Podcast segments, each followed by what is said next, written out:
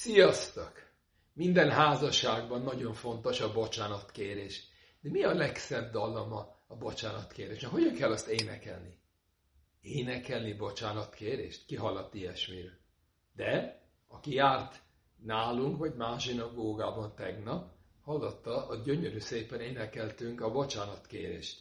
Ugye egy nagyon jó kántorunk volt idén, Izraelből, hű, micsoda hanggal, és akkor, amikor odaértünk a vidúi bűnvallomáshoz,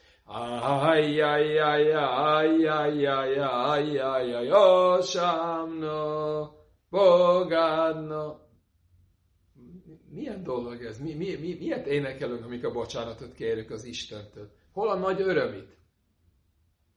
A válasz erre az, ahogy a Midras mondja, hogy valójában nyom kipur ez egy örömnap. Először tisztázni kell, oda jött hozzám az egyik bácsi, és azt mondja nekem, ugye, Jom Kippur egy szomorú nap, gyásznap, ezért mondjuk ilyenkor a maszkire emlék, emlékezünk a, a, az elhunyt szüleinkre, mondom, szó sincs erről.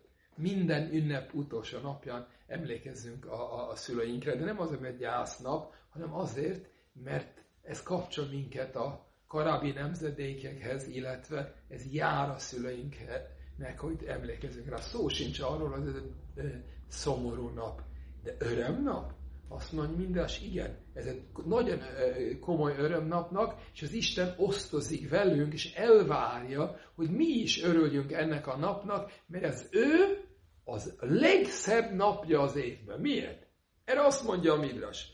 Most le ma de mihez, mihez hasonlít ez?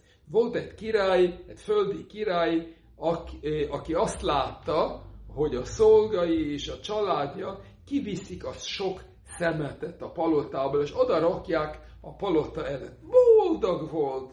Nem azért volt boldog, hogy a palota előtt van a sok szemét, azért volt boldog, mert tudta, hogy bent a palotában már nincs szemét.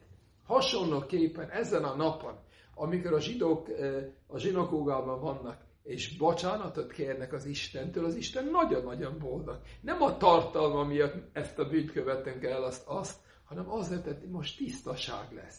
És mivel ez egy olyan komoly örömnap az Istennek, az Isten elvárja, hogy mi is örüljünk ennek, és ezért énekelünk.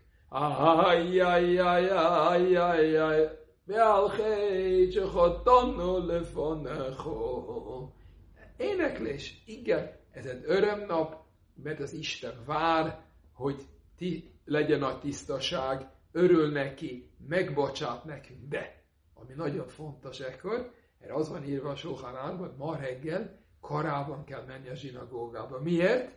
Ez Isten nem mondja, az a tegnap ott voltatok a zsinagógában, ma már semmi, hanem azt ide a következő napokban kell mutatni az Istennek, hogy tényleg tisztaság van, és megjelenünk a zsinagógában. Köszönöm szépen!